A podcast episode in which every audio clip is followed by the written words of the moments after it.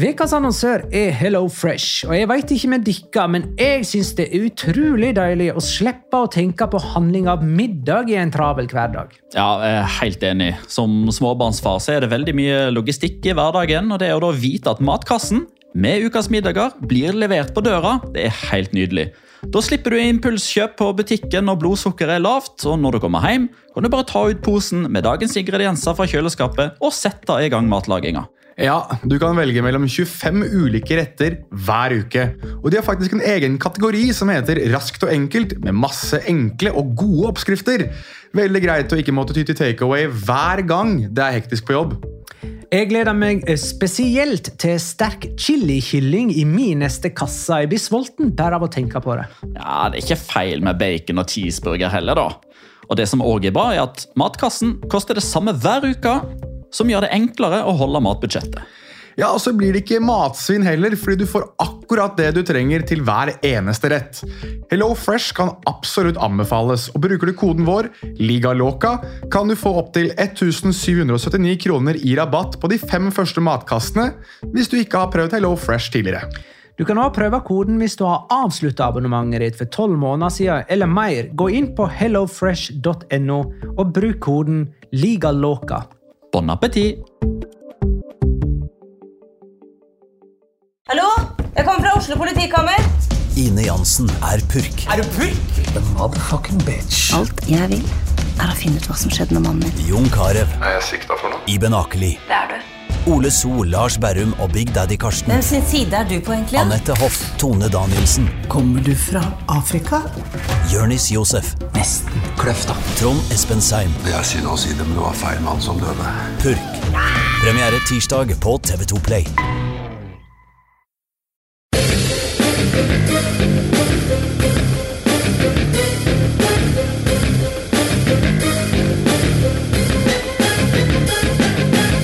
Har du sett? Hvis du ønsker deg et spansk reisemål til høsten, så kan vi jo anbefale San Sebastian. Der er det god mat, gamlebyen er fin og velbevart. Det er ei lang sandstrand midt i byen. Naturen er fin, menneskene er hyggelige, og ja Det er vel det. La liga loca. En litt gærnere fotball. Ja, ja, ja, ja. Så har vi dreget oss inn fra sommervarmen i Oslo by til et studio der det faktisk er enda litt varmere, eh, for å lage bonuspodkast. Jeg, Magna Kvalvik, hei. Og du, Jonas Giæver, hei. Shalom the home. Og Petter Wæland, hei. Hello. Har tatt plass i studio denne fredagen i juni 28. Eh, og alle er på jobb sånn egentlig. Det er ikke ferietid.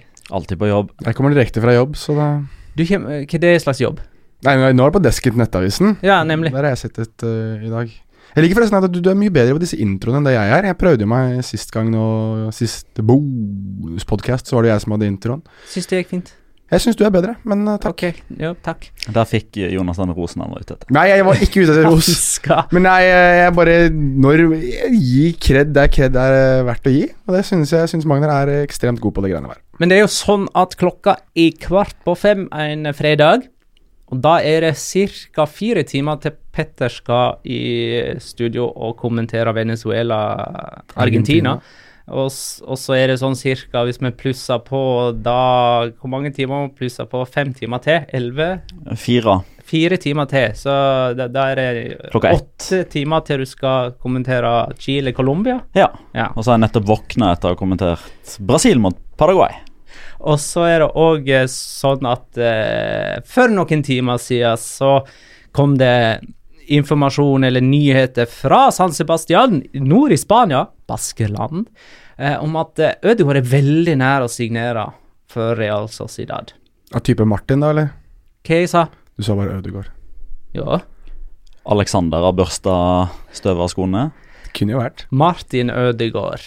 Eh, så vi skal snakke om Martin Ødegaard og Real Sociedad, men siden vi er nå i studio, så kan vi jo kanskje snakke litt om Neymar og U21 og ting som feller oss inn etter hvert, kanskje. Mm. Theo spørre, hva slags, eh, hva slags klubb kommer Martin Ødegaard til? Hva slags tropp kommer Martin Ødegaard til? Hva kan og bør vi forvente av Martin Ødegaard i Real Sociedad? Jo, det er spørsmål vi skal prøve å svare på i denne episoden av eh, La Liga Loca. Men først, eh, er Martin Ødegaard klar for Real Sociedad? Hva veit vi, er første spørsmål. Ja, akkurat nå, når vi sitter i studio, så er ikke ting uh, offisielt. Det er det ikke. Men uh, nå har jo vi fulgt dette overgangsmarkedet, eh, og nå tenker jeg meg og Jonas, for du er jo ikke så fan av konseptet overgangsvindu, Magnar. Det er riktig. Uh, vi har jo fulgt dette såpass tett nå at man begynner å kjenne igjen enkelte mekanismer som skjer når ting er så godt som klart. Og det er at klubber begynner å lekke litt. Eh, journalister i forskjellige aviser begynner å skrive noenlunde det samme uten Og så ser man samtidig at det ikke er ren avskrift. altså De har fått informasjonen alle sammen, ikke nødvendigvis fra samme hold. Kommer rundt Eh, samtidig. Kommer ut ca. samtidig. Eh, det følger en litt sånn Kall det en, en normal prosess, da. Der egentlig, sånn som vi ser på det her utenifra, så er det bare de aller siste detaljene som gjenstår. Før Martin Ødegaard da skriver under på en toårig, eller for å være helt korrekt, ett pluss ett års utleieavtale med Real Sociedad. Ja, Vi kan jo på en måte snevre inn mulighetene til Martin Ødegaard til to lag. Bayer Leverkosen i Tyskland og Real Sociedad i Spania. Og eh, Det virker som han kunne velge fritt, og at det ser ut til å bli Real Sociedad. Er ikke det sånn? Ja, Det begynte jo med at eh, håper jeg, hele Europa var aktuelt. Hele sånn verden var åpen per definisjon. Og så var det først og fremst Ajax og Leverkosen som ble nevnt. eh, I tillegg til noen ikke-navngitte spanske som òg hadde meldt interesse. Og så kom jo denne minitoren til Martin Ødegaard i litt mindre skala enn den som han tok i 2015, da han besøkte alle storklubbene. Først i Leverkosen, og så i Real Sociedad. Um, og så har jo um, både egentlig tysk og, eh, og spansk, og dermed også da gjengitt i norsk media, vært samstemte om at uh, Bayer Leverkosen-alternativet har blitt litt kaldere, mens det er fryktelig varmt i San Sebastian for tida. Mm, Og så sa jo Martin Ødegaard for ikke så lenge siden, f.eks. i forbindelse med landskampveka, at han ville ha ting avklart før ferie. Og Før, ikke minst eh, før oppkjøring, da. At hun vil være på plass i ny klubb før Mm. oppkjøringen starter. Og oppkjøringen til Real Sociedad starter 8. juli. Så da Oh, ja, men det er jo ei drøy uke til, bare. Og er. Leverkosen sin starter 1. juli, så hvis ting skal på plass Det er der, enda mindre til. da har de dårlig tid. Ja, ja, så Vi lager jo nå da en bonusepisode basert på at Martin Ødegaard er klar for Real Sociedad om få straks. Og hvis ikke, ja, så kan dere eh, gjøre narr av oss og le av oss uh, som og Ja, Og så- kan, det vi jo allerede si det. Altså, Jeg er vanligvis veldig fan av å bruke ord som eventuelt, for å snakke om ting som ikke er, Det er og sånne type ting. Ja, Det er men du det du bedre på å ikke gjøre. For jeg det. har det fordi dere har gjort meg bevisst på det. Ja. Nå legger jeg derimot merke til når alle andre gjør det, så Ja. takk for det. Men b la meg bare si det nå, da, klokka 16.51.54 fredag 28. juni. Det, alt som blir sagt herfra ut, er eventuelt. Mm. Nå sier jeg ikke det mer. Mens jeg er bare bombastisk og mener alt sammen. Hashtag overtenning! Jo, jo, men uh, det er jo det vi skal nå, da. Ja, ja. Har vi blitt enige om. Ja. Nå er Martin Ødegaard klar for eh, Real Sociedad. Det har vi bestemt. Eventuelt. Altså, altså, Bjørn Tore Kvarme er jo og for øvrig agenten hans. Uh, eh, og han har spilt i Real Sociedad. Mm. Ja, han var der i tre sesonger, fra 2001 til 2004. Og de siste elleve kampene i 2001-2002-sesongen så var Roberto Olabe trener. Han er nå sportsdirektør i Real Sociedad. Så det her er jo den åpenbare linken som gjør at eh, Altså, Det hadde jo vært naturlig for Bjørn Tore Kvarme å se i den retningen uansett, for man bruker jo alltid det kontaktnettverket han har. Eh, man har jo eh, lest og hørt at han fortsatt har god kontakt med veldig mange av sine tidligere lagkamerater, og noen av de er jo i systemet i, i, Real Sociedad. Xabi Alonso nettopp blitt B-lagstrener og kommer til å uh, traske rundt på Sobieta gjennom, uh, gjennom høsten og våren. Uh, og Roberto Labe, naturligvis. Og det gjør jo at altså, forhandlingsklimaet er bra fra dag én. Det er ikke sånn at man skal bli kjent som agent og sportsdirektør. altså Det er et forhold der fra, fra tidligere av som gjør at det kan mykne litt tidligere. Jeg har forstått det sånn nå at eh, president Joaquin Apiribay har et godt forhold til Florentino Perez. Ja, de nevnes jo tidlig, veldig ofte som gode venner, og det var vel Florentino Perez da Alvaro Odriozola ble solgt fra Real Sociedad til Real Madrid, som uttalte at eh, Jeg er ikke helt sikker på om jeg siterer det riktig, men at Real Sociedad var en, eh, en æresfull, god venn av Real Madrid. Da. At, de på en måte var, at det var et godt forhold klubbene imellom, som du sier helt riktig er Og Iaramendi har jo gått den ene veien og så tilbake. Eh, Theo Hernandez var på lån fra Real Madrid forrige Ja, ja. sesong, så det er jo en ganske sterk. hav av eh, relasjoner de to imellom som man kan peke på. Men ifølge AS så eh, var eh, Leverkosen Madrid sitt valg for Martin Ødegaard. Ja, det handler vel litt grann om at uh, der hadde han spilt Champions League, f.eks., og Ja, eh, kunne, eh, med all respekt å melde til Real Sociedad Jeg vil jo mene at troppen til Leverkosen er bedre, men dertil er også konkurransen større. Og han er ikke like mye garantert spilletid kanskje i Leverkosen som han tilsynelatende vil være i Real Sociedad. Så sånn sett, da vi har hørt ved flere anledninger at en av Ødegaards kriterier for klubben han velger, er personlig utvikling og bli en bedre fotballspiller. Det tror jeg han får større, større sjanse for å gjøre i Real Sociedad med tanke på spilletid, kontra i Leverkosen. Er det er mer garantert i, i Real Sociedad, og da tror jeg han velger det. Spesielt også fordi det er det nivået han skal teste seg på hvis han en dag skal spille for Real Madrid.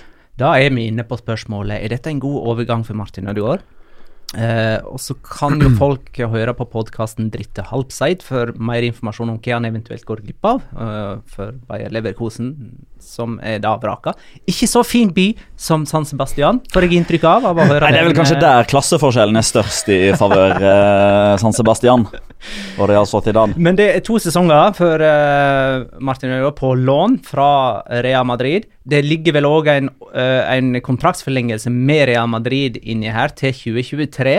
Det er det som rapporteres, i hvert fall. Ja, øh, sånn at han kommer tilbake og har fortsatt et år i øh, Real To. Madrid. To er det da, Ja. faktisk. Og dette er jo i 21, blir det. Ja, og dette er jo ren og skjær logikk. Eh, For hvis man hadde leid eh, Martin Ødegaard ut i to år uten å forlenge kontrakten, så hadde man jo per definisjon gjort han til bossmannsspiller allerede.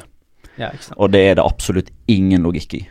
Uh, og han har jo hatt Han hadde først en og en halv sesong i Heerenveen, men da kom han altså først midt i en sesong. Og så fikk han jo på en måte være med i oppkjøringen, men da var det liksom bare én sesong eh, og, som, som kom eh, framover. Og så én sesong i Vitesse, og nå endelig sånn to fulle sesonger, tenker jeg da, at dette her er på en måte her kan han endelig tenke litt Ja, jeg slå seg litt grann til ro.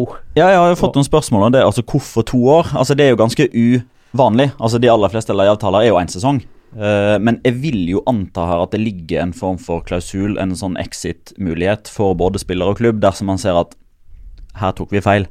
Dette gikk ikke så bra som vi trodde. Så må det være mulig på et eller annet vis å komme seg ut av den.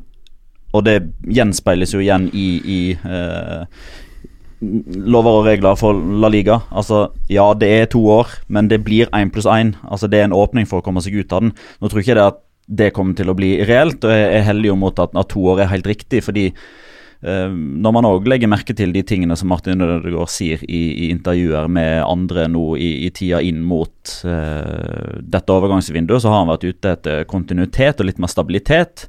Og han får dobbelt så mye kontinuitet og stabilitet med en toårig utleiekontrakt enn én. Og da, da slipper man òg den Altså mot, La oss si mot slutten av 1920 eller 1919 2019-2020-sesongen. 1919-2020-sesongen, Ja, nå må ikke du kødde det til ja, enda mer, da. enda flere tall med 2019-2020-sesongen. Hei. Da kommer man jo av og til i sånne situasjoner der hvis La oss si at det, altså, det hadde vært ferdig spilt. Eh, Champions League-toget er gått, eh, nedrykkstoget har gått, de er ikke med på noen av de. Så kommer man i en situasjon litt sånn eh, mars-april der man skjønner at greit, de siste 10-12 kampene blir mer eller mindre som eh, i hermetegn og treningskamper og, eh, og, og regne, og da kjører vi heller på med John Bautista og Martin Merkelands og Lucas Angalli og de som man vet skal være der neste sesong. Det går ofte litt på Altså Se på Theo Hernandez, spilte nesten ikke på andre halvdel av sesongen. eh, fordi man eh, heller ga eh, Alex Sola og Ayhen Munoz muligheten.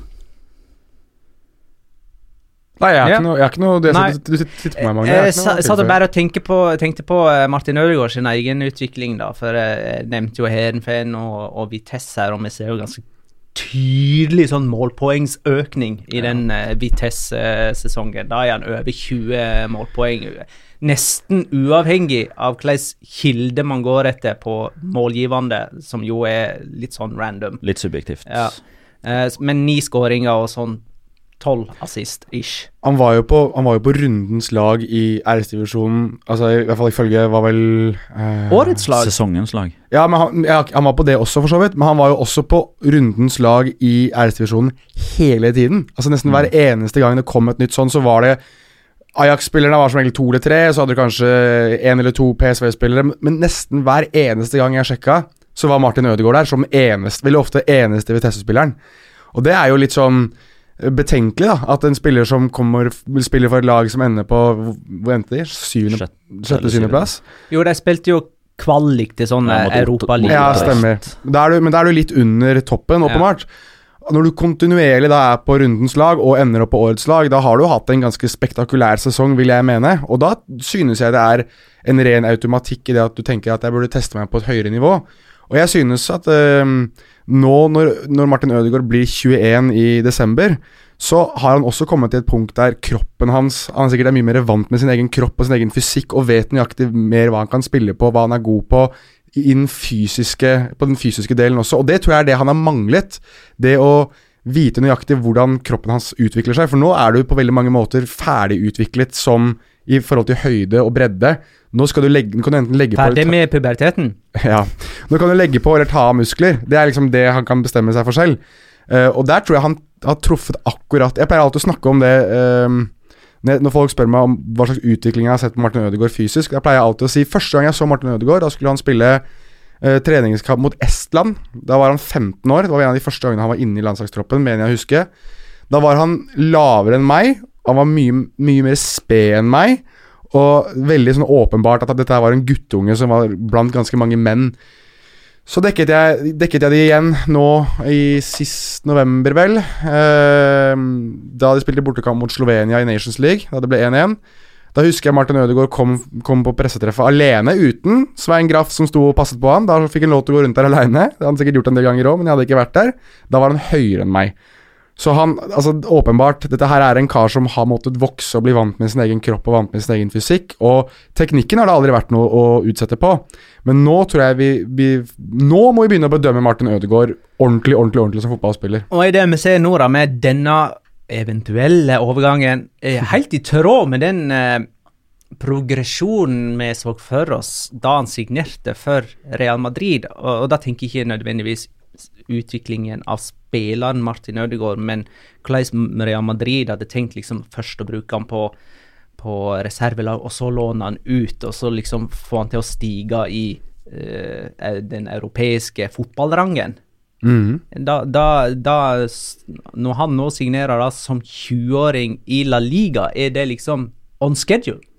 Ja, det vil jeg si. Ja, jeg er enig i det. Det vil jeg si, for jeg husker når, eh, når Martin Ødegaard, eller da Martin Ødegaard ble klar for Real Madrid i januar 2015.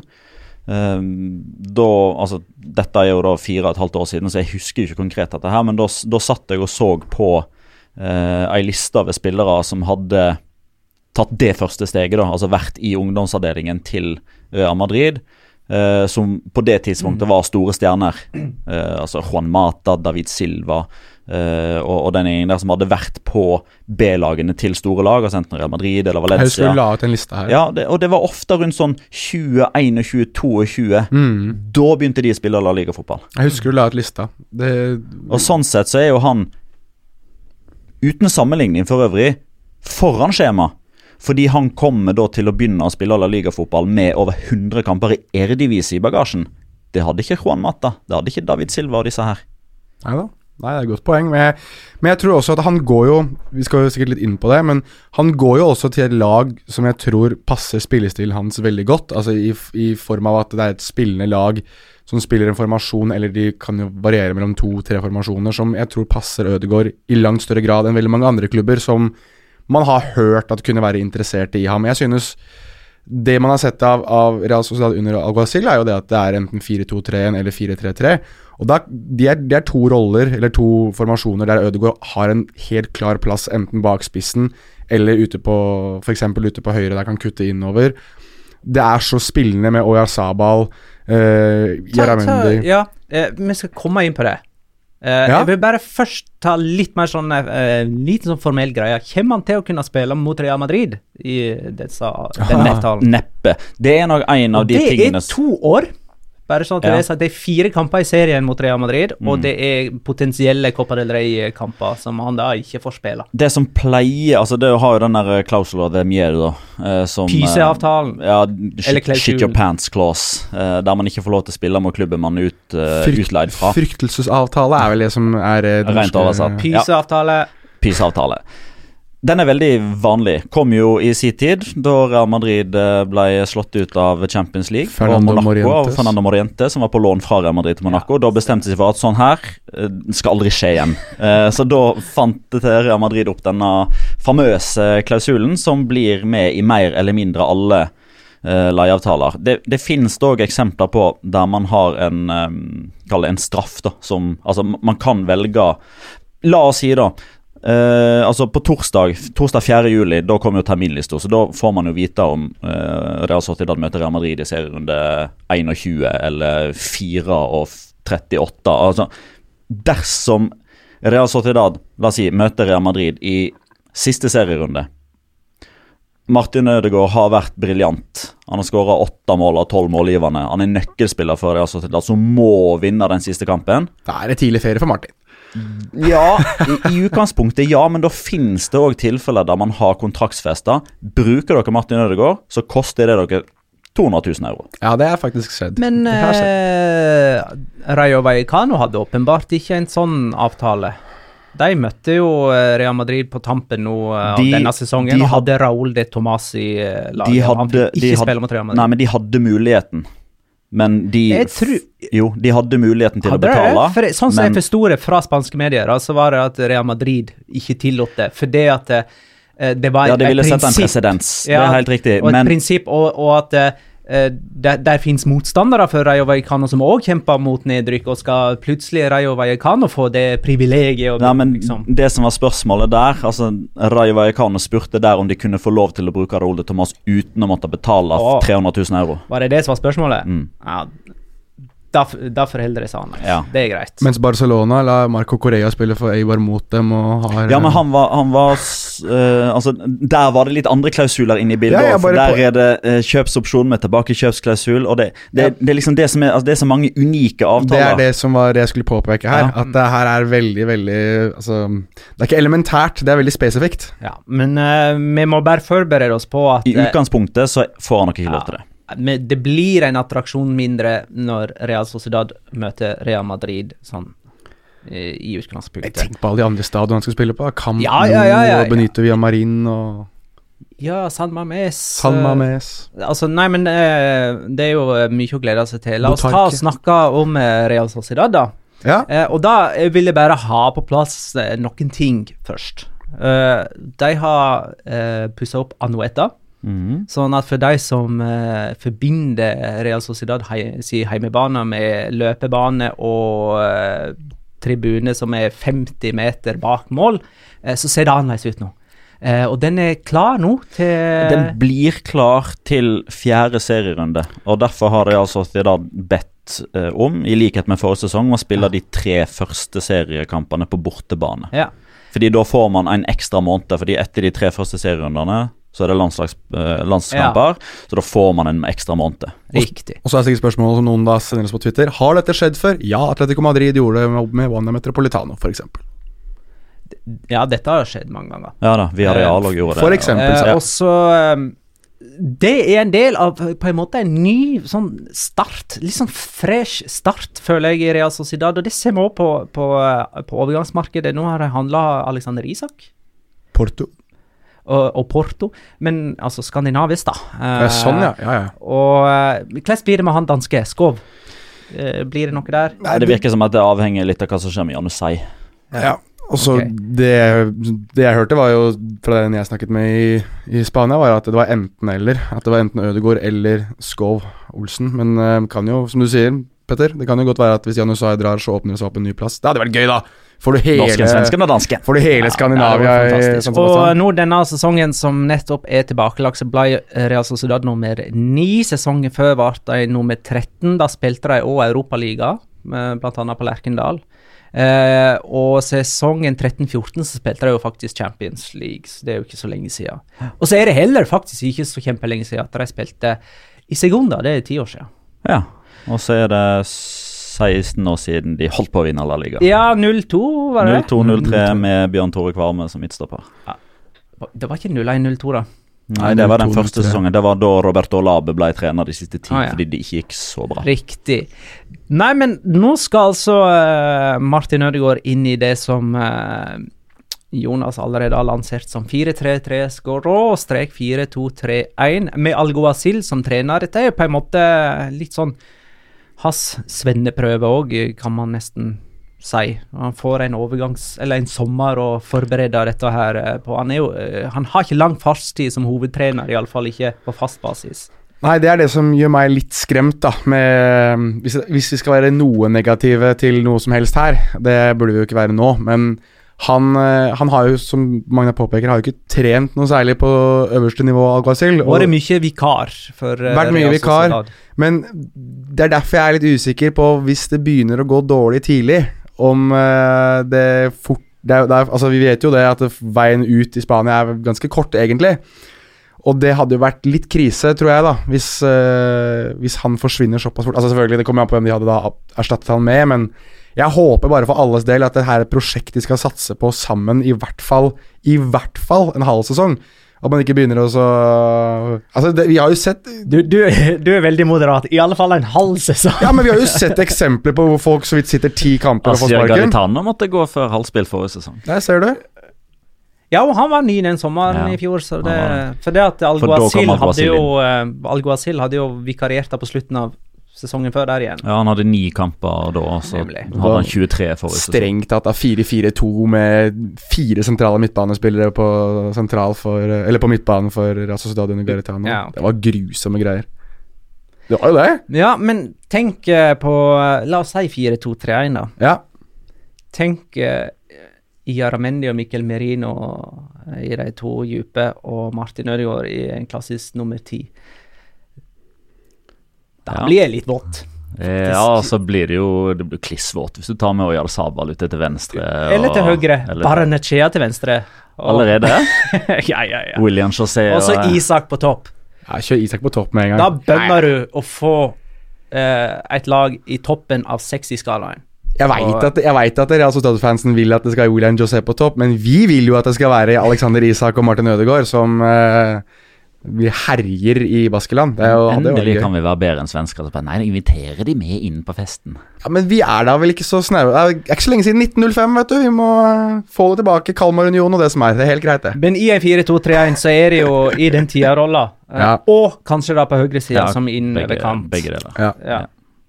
Og, og i en 4-3-3 Da får du egentlig Da åpner du egentlig en mulighet til, tenker jeg, da. For da har du en av de to. Ja, det kan være høyre indreløper. Ja. Ja. Eller Men da- venstre. Ja, det Samme går jo det, det. men det er jo liksom primært sentralt i banen, eller litt ut mot høyre, at Martin Ødegaard eh, har spilt egentlig stort sett gjennom hele karrieren. Kommer til å slå så mye deilige innlegg han, på William José og sånn. Gud, så mange 1-0-skåringer det kommer til å være mellom Martin Ødegaard og William José. Med hodet. Åh, det bare å sette er, eh, Jeg er ikke noen sånn tippeekspert, men til alle som tipper, som lurer på tippetips fra meg Neste sesong er det bare å finne et eller annet spill. Det er 1-0 William José, assist Martin Ødegaard. Vær så god. Takk skal dere ha. Matt Simonsen spør eh, hvor lett skråstrek utfordrende er det å spille seg inn på Real Sociedad? Det, det er ikke bare å spasere seg inn der, altså. Det må vi jo bare jeg, advare om Ja da, eh, ja da. med en gang. Eh, og det sier jeg med all mulig respekt for den utviklinga Martin Ødegaard har eh, hatt. Men det er liksom De har allerede signert Porto for 10 millioner eh, euro. Altså Vi snakker om det å, å produsere målpoeng for lag som ikke nødvendigvis er i toppen. Altså Porto har skåra 20 mål for Girona. Eh, som var i, i sin første sesong i La Liga, eh, som var nedrykksdømt, og da gjorde det ganske så bra. Og som rykka ned denne sesongen. Altså 20 mål og 8 målgivende for Real Sociedad. Nei, for, for Girona. Ja da. Eh, han 20 er- mål på én sesong? Nei, på to sesonger. Ja. Ja. måtte bare ha det. Ja, ok. Eh, Alexander Isak kjenner vi jo til. Han hadde jo enda flere målpoeng vel for Wilhelm Svei i Eredivisie. Eh, Mikael Oyarzabal, eh, heit kandidat til å være eh, en av turneringens beste spillere i U21-EM for eh, Men det har ikke han vært så langt. Det Han har har vært ikke en av de bedre. Han var svak mot Italia, ass. Jeg Ja, men det, jo, jo, men det var nesten alle. Alle spanske var svak mot Italia. Ja, ok. Nei, men, eh, men Til og med Dani Ceballos eh, var svak til han å være i den kampen, så alle løfta seg noe voldsomt i de tre siste kampene. Ja, nei, men det er greit, det. Adan Janusai må du ta med her, da, hvis du skal nevne Og det er jo litt sånn interessant, fordi han og Martin Ødegaard har jo en del likheter i historiene sine. Bare at, Mart at eh, Janusai spilte jo mer eller mindre fast for et veldig, veldig veldig, veldig dårlig Manchester United en gang i tiden. Og så har han gått på det jeg liker å kalle for The David Moyes Tribute Tour, hvor han har vært innom Sunderland og Sunderland og Real Sociedad og litt sånn forskjellig. Og så har han vært litt inn ut av laget, men jeg, han er jo en publikumsfavoritt, og veldig mange supportere som er glad i Janusai. Uh, dessverre for ham så er han jo er han mye skada, da, men, men det er jo definitivt en spiller som når han glimter til og er på toppnivå, er en av de beste spillerne i den troppen. Og han spiller jo i de samme posisjonene som det Ødegaard gjør. Så det er jo fort han som Ødegaard da må kjempe, om, eh, eller kjempe med om den plassen, når de begge to er Ja, friske. det, det, det er likheter, det er det, men det er òg en markant ulikhet. Janusei er jo eh, Altså, han går gjerne rundt ned til dørlinja, eh, mens Martin Ødegaard er litt mer tidligere inn i banen. Så det, det gir jo Alguacil flere valgmuligheter. Ja, kan- og Porto er jo òg høyrekant. Han Ja kan være spiss i, i, i to spann, men det gjorde Alguacil nesten aldri. Noen ganger sånn underveis i kampene så ble Oyar Sabal en form for spissmaker til ja, José, men det var alt etter hvordan kampklimaet var osv. Men det må være lov å stille spørsmål, da. Og det kan jo dere begge besvare, egentlig. Men det, her, det virker jo som det har blitt et slags prestisjeprosjekt for Real Sociedad sin del. Det at de, de fikk jo et møte med Ødegaard etter at han var innom Bayer Leverkosen. Det beviser jo det at det var interesse begge veier. Og når de nå har holdt på å eh, forhandle og forhandle, og forhandle, og det er åpenbart at de ønsker Ødegaard veldig, veldig sterkt, så vil jeg jo tro at det, det er jo fordi de, de ser på ham som en potensiell spiller som kan løfte laget i, altså løfte førstelaget deres, førsteelveren deres, Ja, ja. mer enn at dette her er en kar som skal potensielt rotere veldig mye. Ja, men Det tror jeg ikke Martin Ødegaard hadde bitt på heller. For Da hadde det fantes veldig mange andre gode alternativer. For det, det, er liksom ikke, det er ikke sånn at det er enten Real Sociedad eller Bayer Leverkosen. Det har, det har blitt det, men det er jo fordi man har luka ut, analysert, henta inn informasjon, Ja, tenkt og tenkt og tenkt og tenkt. Eh, og så har man falt ned på de to tilsynelatende til Ja. slutt, og så ser det jo nå ut som at det, Sociedad tar det siste stikket. Og det, da må man jo ha fått en form for på ingen måte garanti. Jeg, jeg tror ikke noe på at det kommer til å være en klausul i avtalen der det står at Martin Ødegaard skal spille så og så mange kamper. Nei, nei, nei, nei, ikke må de betale så og så mye. Det, det, det tror jeg ikke noe på. Eh, men at man da har sett Martin Ødegaard såpass mye i Vitesse at de er helt sikre på at dette er en spiller som kan ta nivået. Dette tar vi sjansen på. Det er jo helt åpenbart. fordi i et intervju med Radio Marca så sa jo det altså til president Jokina Aperibay at de snakka med Ødegaard i to-tre måneder allerede. Ja, ja, så dette har jo foregått over tid. Spillestil. Ganske Altså, vi har jo vært litt inne Jeg tror, tror det var meg og deg som var inne på det en gang du hadde gyldig fravær, Magna. Da snakka vi litt om den spanske spillestilen eh, som har endra seg litt. At det kanskje er litt sånn myter at det bare er fint spill og tikki taka og eh, 4-3-3 offensiv blendende fotball. Du har òg lag som Alaves og Leganes og sånn som er mer Retafe. fysiske. Ja, Retafe ikke minst. Martin Ødegaard skal være glad for at han spiller til høyre og ikke til venstre. så Da slipper han å møte Damian Suárez. Um, Åh, nei! Det hadde vært litt gøy om de to møttes. Det hadde vært litt gøy. Men når det gjelder Real Sociedad, så er de ganske spanske, sånn som man kjenner de her til lands. Ja. Fordi De ønsker å ha ballen langs gresset. De har, eh, altså de var ett av sju lag som hadde ballen mer enn 50 i snitt. Eh, snittet økte under Alguacil. Da var de det fjerde mest ballbesittende laget bak Betis, Barcelona og Real Madrid. Så De vil ha mye ball. De forsøker ofte å spille seg ut bakfra. De involverer kantene. De har ganske mye fri flyt. altså De har ikke, de har ikke et fast system der høyrekanten alltid ute til høyre og venstrekanten alltid ute til venstre. De har bevegeligheter og rollebytter. Eh, sånn sett så, så skal det jo passe greit, og det er jo Altså Her har man jo helt åpenbart gjort eh, heimeleksene sine, eh, og det har jo eh, Dritte Halbseit-gjengen òg snakka om at Bayer Leverkosen er en klubb som hadde passa Martin bra, og det er jo en grunn til at det er de to klubbene her som blir stående igjen, og som er på oppløpssida. Ja, nettopp. Altså, og så tror jeg rett og slett det at det, For Ødegaard sin del så er det Det er så ekstremt viktig, det valget her, da. Altså, det valget her er potensielt sett det valget som definerer karrieren hans de neste fem, seks, syv årene. Altså, hvis han, altså, han hadde bommet her, så hadde, hadde han altså, sittet ordentlig, ordentlig i saksa, da. Men som Petter påpeker også, og det fikk jeg jo også Jeg gjorde et intervju med, med Vadim Demidov, som påpekte veldig tydelig det at eh, Spania er ikke bare Tiki Taka og finspill, og eh, han sa jo også litt i, i Altså, mellom det han sa, at det, man må være klar for å spille mot alle typer fotballformasjoner og alle typer stiler. Og det er jo også, hvis vi skal tenke på hva Martin Ødegaard selv kommer til å møte uke inn og uke ut, så kommer jo han til å være en mer eh, komplett fotballspiller i det at han kan forvente seg, og har forventet seg, alle typer spillestiler mot seg også.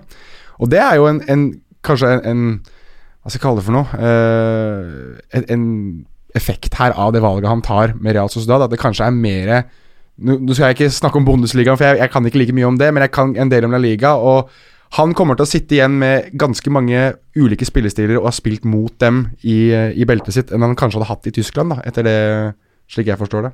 Så, så hele eh, prosessen her med å bestemme seg for, for Real Sociedad virker ekstremt gjennomtenkt, både med motstandere, nivå og det han selv kommer til å, å spille på. Så det Ja, nei, jeg, jeg tror ikke de har latt noen ting gå til tilfeldigheten her. Altså Et par andre ting her da er jo at eh, si, over en lang periode så har jo Martin Ødegaard gitt uttrykk for at han Altså målet hans, drømmen hans, er å triumfere i Real Madrid. Og hva er vel da bedre enn å bruke to år eh, som 20-, 21- og 22-åring på å bli vant til La Liga? Vite hva slags motstand man møter, eh, har spilt på de forskjellige stadionene, blitt en del av kulturen og, og språket. Og så skal man heller ikke undervurdere den Altså eksempelets makt, da. Se på Antoine Griezmann. Se på Carlos Vela. Se til dels på Adnan Janusai som fikk karrieren på rett kjøl igjen. Se på William José. Offensive spillere som har tatt store steg. Miquel Ørsabal som kommer fra egne rekker. Altså offensive profiler som i et så spillende eh, Real Sociedad-mannskap har klart å ta så store steg at de har blitt spillere som selges for 70, 80, 120 millioner euro. Jeg vil jo nevne Jaramendi der òg. Eh, Han var jo et produkt av de og gikk til Real Madrid eh, for dobbelt så mye som det han ble kjøpt tilbake for, eh, riktig. Ja, det var en lukrativ leieavtale Ja, det for var Real veldig bra. Sociedad. Andreas eh, Seipajärvi spør eh, San Sebastian som feriemål, yeah or nay? Jeg har aldri vært der før. Yay. Altså med eller uten Martin Ødegaard. eh, Så Altså ja. Uansett så er svaret ja. Eh, Ja, ja. da kan uh, Jeg nevnte noe i introen, men altså, de har ei lang, fin sandstrand. Uh, Concha. er det det hun heter? Mm. Ja. Gamlebyen der er tomater, helt nydelig. Og så har du Anueta. Den er ikke så langt ifra sentrum heller, det er god avstand, vil jeg hevde. Ja. Mara maraton i november. Ja, og så har du Semana Grande i august en gang. Eh, Mm. altså ei sånn festveke som er verdt å få med seg hvert år. Ja, og hvis man er fotballinteressert, så har man eh, en time til Bilbao, en halvtime til Eibar. eh, Og en- en Baskeland er jo i det hele tatt en herlig, herlig del av Spania. Frodige åser og grønt. Det er ikke ja. disse eh, oransje lappeteppene som ligger litt lenger sør. Det gastronomisk, da. Det er jo en av uh, høyborgene for gastronomi i Europa. Så det er, for de som er glad i mat og kultur, så er det tydeligvis Og fotball, åpenbart, så er det et uh, Ja. godt feriemål. Mange tradisjoner der som uh, Og så er jo òg Real Sociedad uh, på flere måter Dette blir kanskje litt først eksternt og så internt, men det er jo en litt sånn norske klubb òg, da. Så Vardin Demidov, Bjørn Tore Kvarme, Martin Ødegaard blir nummer tre i den rekka. Vil jo da være den spanske klubben med flest nordmenn gjennom tidene. Og litt mer sånn internt. Altså vår podkastvenn Josu Galdos Fransen. Eh, vår nye norgesvenn Oyar Fano. Altså det Han som uh, kjørte innover Sognefjorden her om dagen. Ja, stemmer det. Så nå er det jo bare å sette opp eh, den uh, eh, spanske båten fra Drammen til San Sebastian med en helvetes fart. Det kommer til å Det er litt gøy, da, jeg må få sagt det, at eh, forestill dere om Hvis vi ser tilbake ti år, da, liksom Jon, eh, 15, da, 10-15 år, Jon Carew i Valencia, altså hans ettermæle er folk som meg, som er Valencia-supportere, f.eks. Tenk nå om vi om de 10-15 år da spør uh, folk som er på vår alder da Altså eh, Hvorfor heier du på Real Sociedad? Nei, Martin Ødegaard, de to årene der. Ja, ja, helt klart. Det hadde Helt vært klart. fantastisk Ja, ja, gøy. Sånn det. Og så syns jeg òg at vi nå, nå, nå, nå fortjener vi å ha en nordmann som spiller i La Liga. Nå har ikke vi hatt det siden Demid over Rindarøy. Det begynner å bli en stund siden. Og da teller jeg ikke med den ene kampen Martin Ødegaard fikk. Det var en stor happening der og da, men det var ikke noe sånn at vi kunne følge han helgen Det skal ikke vi glemme at han har jo allerede debutert for Real Madrid. For lenge siden. For lenge siden. Tidenes yngste. Var ikke han det? Ja, nest yngste. Det var, Nest? det var en som bak 30-tallet. Juks, En baki. Tenk Dag, Eh, Dag Alexander Aas og Tidenes yngste i moderne tid. Martin, uh, Martins Jo, men de følger vi ikke helgen og helgut på TV. Jeg slår jo et slag for Morgan Kornmo uansett. Ja, det gjør jeg òg, for han er tidligere lynspiller. ikke kjenner. Jo, det er han, faktisk. faktisk. En annen Martin Meget undervurdert kjeks, for øvrig. En annen Martin, som heter Sørensen Spørre, blir det fast Ødegård-spalte neste sesong Ja. i eh, La Liga Loca. Altså. Ja, ja, ja. Eventuelt en egen Ødegård-tabell der kun de minuttene han spiller, er Det, tellende. det trenger ikke vi å gjøre uh, hvis det går dårlig, for da er det Da vet alle hvem som kommer til å legge ut den tabellen på Twitter. Hvis det går dårlig. Hvis det går dårlig Oi, med. Martin Ødegaard i Real Sociedad, så kommer det nok tall med og uten. Men hvis det går dårlig med Real Sociedad, uh, mens det fins tall som viser at de er mye bedre med han Da må så- vi så presentere presentere det. Nei, men det er òg noen andre som gjør den jobben, jeg er ganske sikker på. Ja, det er riktig. Så Så den jobben trenger ikke vi å gjøre. Alexander Larsen har et intrikat spørsmål her. Andrine Hegerberg var òg sterkt linka til Real Sociedad. Kan denne overgangen spille noe som helst rolle med tanke på hennes valg, etter det Ødegaard gjorde mot Ada? Altså, Wow. er det plass til både et stykke Hegerberg og Ødegaard i San Sebastian? Jeg føler Den byen er ikke stor nok for de to familiene. Ja, det jeg skulle til å si? Jeg liksom forestiller meg litt sånn high noon, begge to inn med hver sin cowboyhatt og revolveren på, på hofta. Nei, eh, Shootout. litt sånn shootout at high new, shootout at Anueta. Det hadde vært litt gøy. Eh, nei, men hun har vært der, da, visstnok. Uh, det er også Fikk jeg høre fra den jeg har pratet med i San Sebastian, at eh, begge to, både Martin Ødegaard og Andrine Hegerberg, har vært og besøkt eh, Real Sociedad. Begge to eh, var tydeligvis imponert over det de så. Men så er jo sikkert da har sikkert Rasmus Dahl gjort det at de har prøvd å få dem på litt ulike tidspunkt, der, slik at Alexander Larsens spørsmål kan få lov til å henge litt i lufta. Sørg eh, for at de ikke er i samme klubbhus på samme tid. Treningstidene endres, så Nei, men vi, er vi i mål med Ødegaard-overgangen? Som jo selvfølgelig blir en realitet. Ja, altså, vi kan jo ta med Nå tok jo Petter det, da. Bjørn Tore Kvarmov og Adin Devendov har allerede vært der. Og så regner Ting vi vi har tatt, trenger ikke vi ta på nytt. Jo, men jeg, som jeg skulle til å si, okay. det kan jo fort være at vi kan gjøre noe litt mer eh, Nå tenker jeg jo høyt her også, for, eh, for jeg vet at lytterne sikkert kommer til å spørre om det. Om vi kan gjøre noe mer spesielt med en av de to på et eller annet tidspunkt, der de kan fortelle om klubben. Det kan jo være interessant. Og så gjetter jeg på jeg vet for min egen del at jeg kommer til å være i San Sebastian på et eller annet tidspunkt, og mest sannsynlig spiller inn et eller annet, forhåpentligvis med Martin Ødegaard. Ja, Petter har jo allerede funnet ut at det er maraton i november. Du har eh, faktisk et maraton å Du vet du kommer til å bli så bitt av den asfaltbasillen du i september. Nei, men jeg må få- Jeg må få opp kondisjonsnivået mitt først. Og Du må jo- slutte å trene disse bicepsene dine. Du skal ikke løpe med biceps. Jeg pleier jo å trene styrkeøkt, og så løper jeg på slutten. Og det har funket greit hittil. Greit.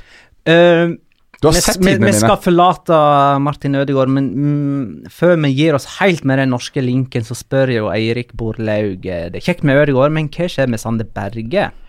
Det Der er det ganske stille. Det jobbes, eh, jobbes nok godt av eh, Morten Vivestad og Mike Kjølø. Um, Sander har vært på ferie, bl.a. på Marbella. Trent litt med den fysiske treneren til Genk, som starta sin preseason tidligere denne uka her. Eh, det var riktignok for spillere som eh, ikke hadde vært på landslag.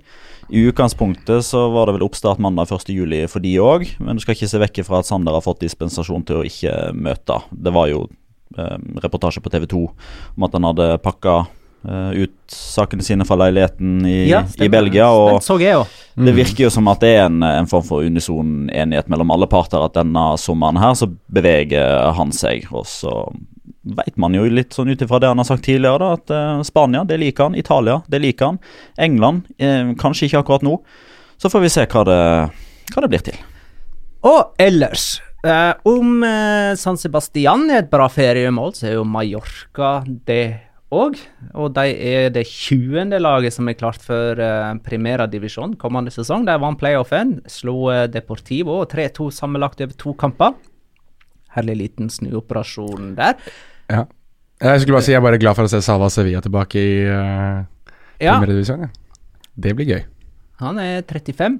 Ja, Men det det har han egentlig sett ut siden han var 22, for han, det grå håret hans, det fikk han tidlig. Det er derfor jeg syns han er så morsom. Altså, det er eh, Det òg navnet, og at han spilte for Betis. Altså, det Ja, ok, vi kan ta med de, han var ta en med de kultfigur så fort han kom opp i sin tid eh, Ja. i premiera. Altså. Kom opp, Du kommer til å legge merke til han sammen med typer som Joaquin som type karakterer. Ikke nødvendigvis like ekstravagant som det Joaquin er, men Hvis han blir med, da, og hvis uh, han spiller og sånne ting Kan jeg stille- uh, for Ever Banega, er han Ja. fortsatt i Sevilla? Han er formelt Sevilla-spiller. Overgangen til Galatasaray er ikke formelt offentlig. Men det kommer til- det kommer til å bli. Men alle, altså, all vind blåser mot Istanbul for hans del. Men nå er vi jo inne i en periode der uh, nesten alt av avtaler er på hold, fordi mandag 1. juli så er det ny sesong, nytt regnskapsår. Eh, ja. Men mens vi jeg bare skjøt inn det mens vi er inne på hår, eh, så er det jo bare å søke seg på hva Ever Banega har klart å gjøre med seg selv.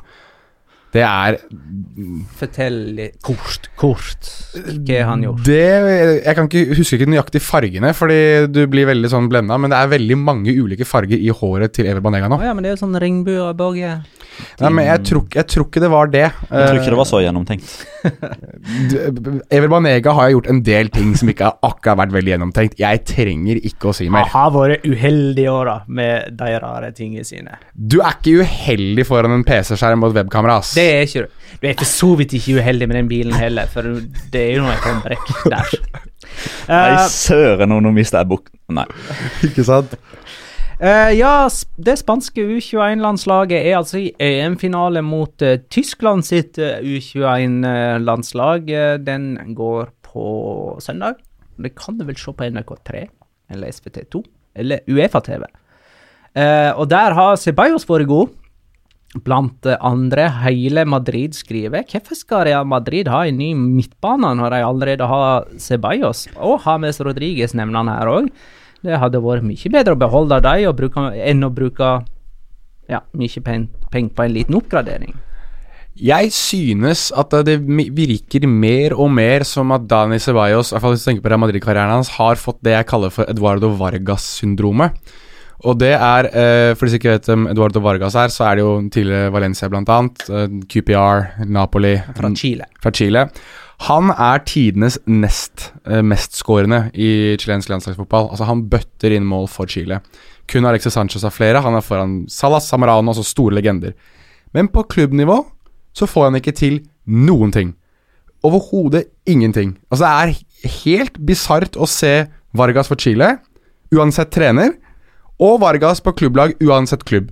Han fungerer ikke i klubbfotball, er tidvis rene Pelé i landslagsfotball.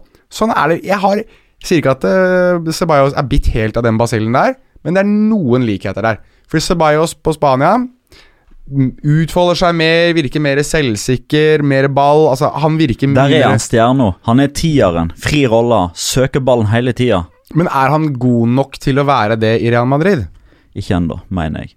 Og da syns jeg at det, det som det begynner å utkrystallisere seg litt nå, da um, altså, At han må låne seg til Real Sociedad, kanskje? Nei, for der er det en annen som skal. Faktisk. Du må høre etter på hva vi snakker om, eh, Jonas.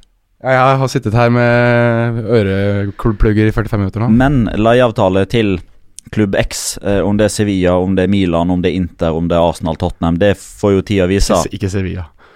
Det er veldig aktuelt. Er det det? Ja, det er det. Loppetegi. Han elsker jo Ceballos. Jo, sant, sant, sant, sant, sant, sant. Uff.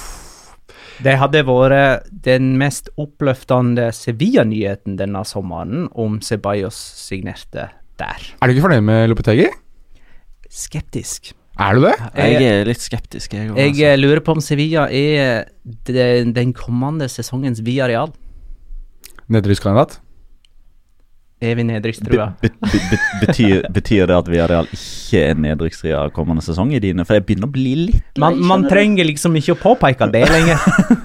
um, Nå er det jo Alberto Moreno på venstrebekken nå, så da er, er det jo bare Nei, nei, nei. nei, ja, på for ja. signering, Og det, det mener jeg. Alberto Moreno fra Liverpool til Villarreal. Kanonsignering, mener Raúl Albiol og Jeg har dessverre Moreno. ikke tools her nå til å skrive ned sånne her påstander som man kan Nei, men den skal jeg minne dere på igjennom når han eh, topper assistlista i november. Det er bra. Hvem skal, hvem skal han slå inn på?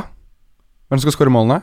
De samme som forrige sesong. Gerard Moreno, Ekambi, Bakka. Eh, Ettersom vi, vi er inne både på Spania U21 og via Real nå, så har jo Ja. Pablo Fornals, eh, som òg gjør jobben for det U21-landslaget i disse dager, Mm. han har signert for Westham. Jeg lurer på om det skjedde etter deres forrige bonus. Det Ja, et par dager. tror jeg, ja. Ja. Mm. Eh, tidenes dyreste Westham-spiller? Nei, nest dyreste. Nest dyreste? Felipe Andersson var vel den dyreste. Akkurat. Men likevel, er, jeg tenker de har signert en veldig bra spiller. Ja. Eh, selv om han ikke fikk det helt til sist sesong i Villarreal. Det var iallfall ikke stabilt godt. Men det YouTube-klippet, det lever jo evig, da.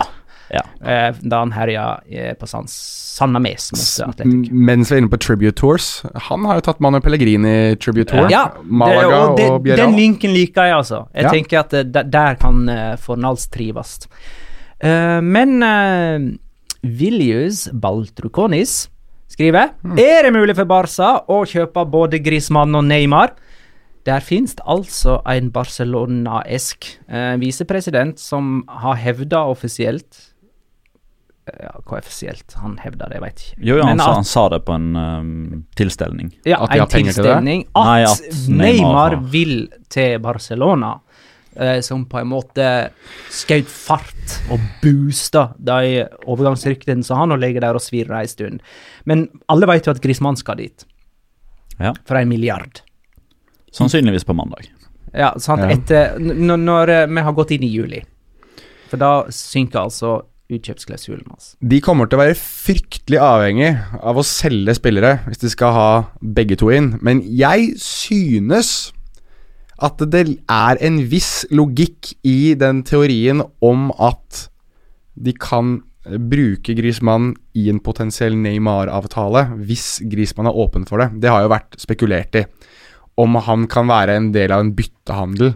Så Barcelona skal kjøpe Griezmann og selge han umiddelbart til PSG? Ja. Ja. Det har vært spekulert i. Det er lov så lenge han ikke spiller kamper for Ja. Barcelona.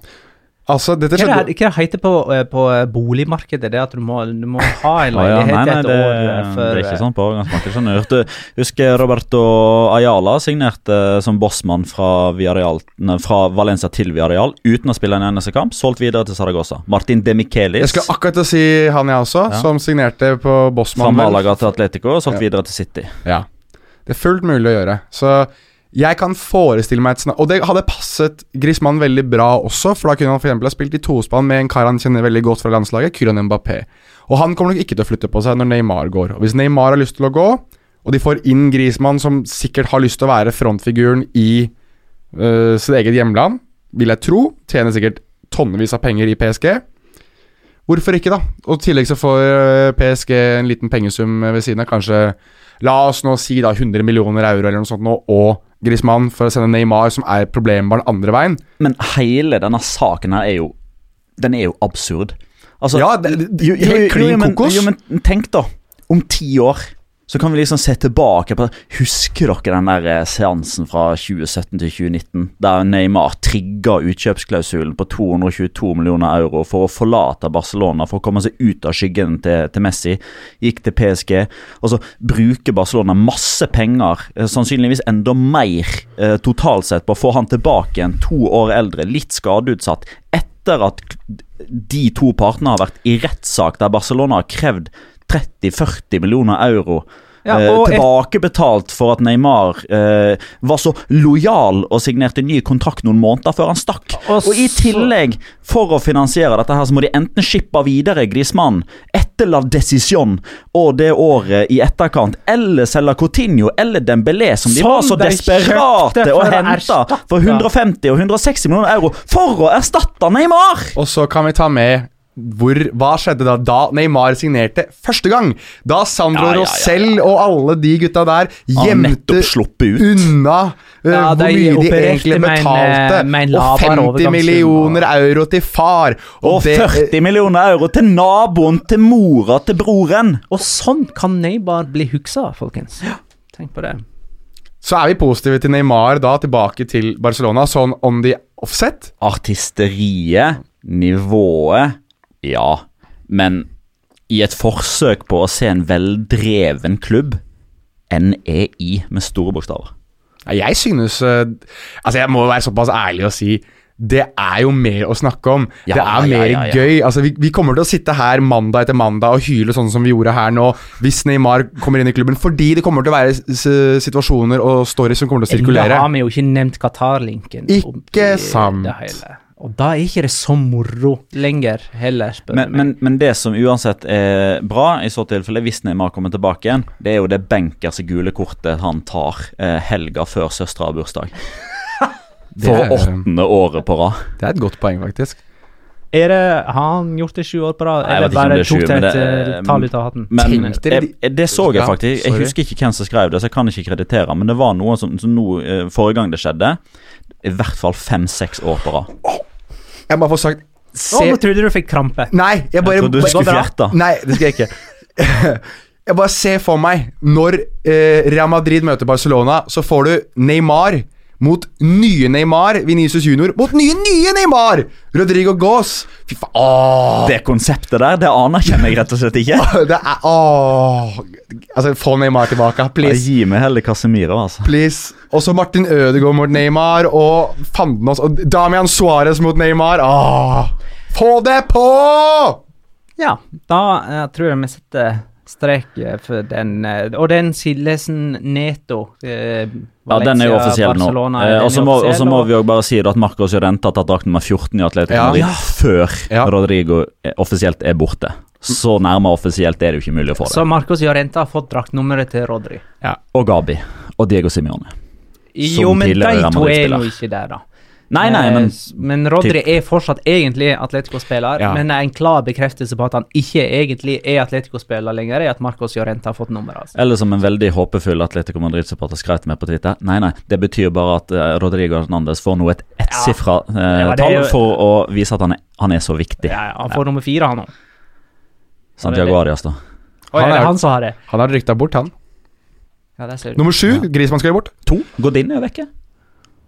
Ja, det var, uh, det var egentlig Godin sitt nummer jeg tenkte på. Ja. Men uh, sju, det er jo perfekt. Nei, men han, det er jo det. Han skal ha nummer sju. Eller skal Eh, Joe Felix ha nummer sju? Ja, for han er jo veldig snart klar òg. Der er det jo Det er ja, og, og det er Benfica-mannen, ikke sant? Ja. Jao Felix. Ja, Mhm. han som er eh, 19 år gammel, fortsatt er eggis, kommer kommer til å koste 126 millioner euro. Sprenger overgangsrekorden til Atletico Madrid. Eh, som Altså, de har jo Benfica har bekreftet at de har fått bud. Utkjøpsklausulen er på 120 millioner euro. Det her er Petter snakket innledningsvis her i, i denne episoden om mekanismer i overgangsvinduet. Dette her er Benfica som rett og slett nå sier at vi skal vurdere det. Egentlig så har de internt helt sikkert blitt enige med at vi selger den, men det her kalles posturing på engelsk. At det skal ikke se ut som de bare gir etter med en gang. At her skal de liksom vise litt. Ja, og så er jo òg Benfica et børsnotert selskap Det er som de plikter seg til å gi beskjed til sine aksjonærer om hva som foregår. Det liker jeg faktisk. Ja, jeg òg. Full åpenhet. Altså Porto som bare bang ut. Ja, vi betalte det. Eller bang, ja, vi fikk det. Ja. Samme med de medlemsstyrte klubbene i Eller i hvert fall noen av de medlemsstyrte klubbene. Real Madrid gjør det aldri. Aldri, aldri, aldri, aldri, aldri offisielt. Barcelona og Osasona derimot, og Atletic, klink ut. Åpne på alt. Dette betalte vi. Dette er kjøpsklausulen. Så lang er kontrakten. Dette er klausulene. med unntak av Neymar! Der løy de.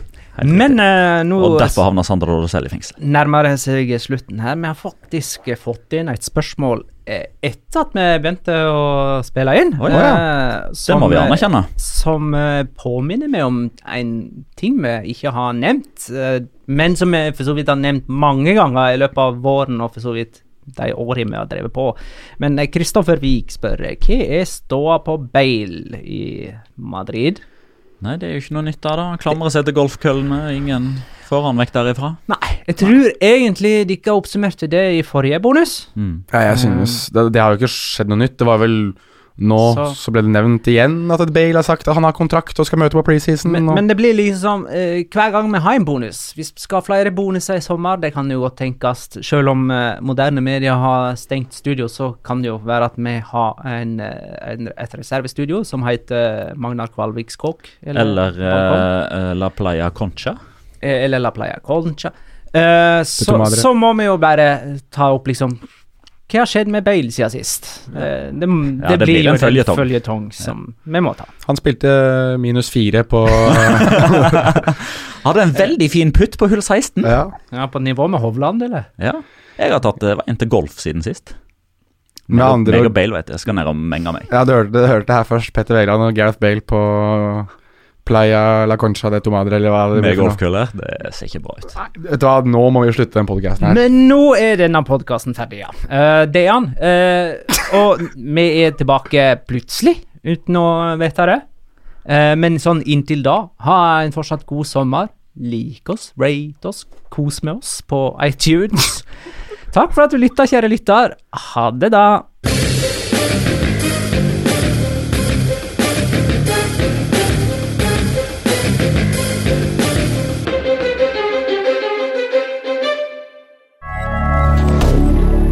Moderne media.